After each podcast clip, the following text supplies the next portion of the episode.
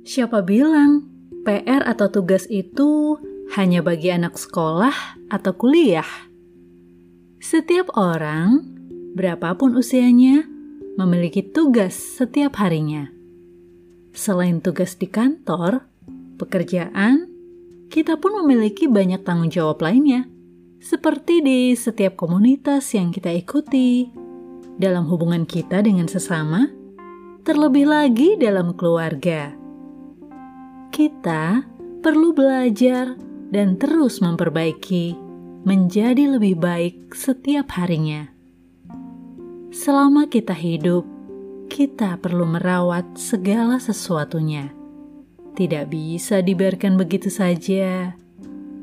Segala sesuatu yang dibiarkan begitu saja sama halnya dengan membiarkannya mengalami kerusakan. Apa yang sudah dijaga dan dirawat saja bisa rusak. Apalagi bila diabaikan, semakin parah kerusakannya nanti.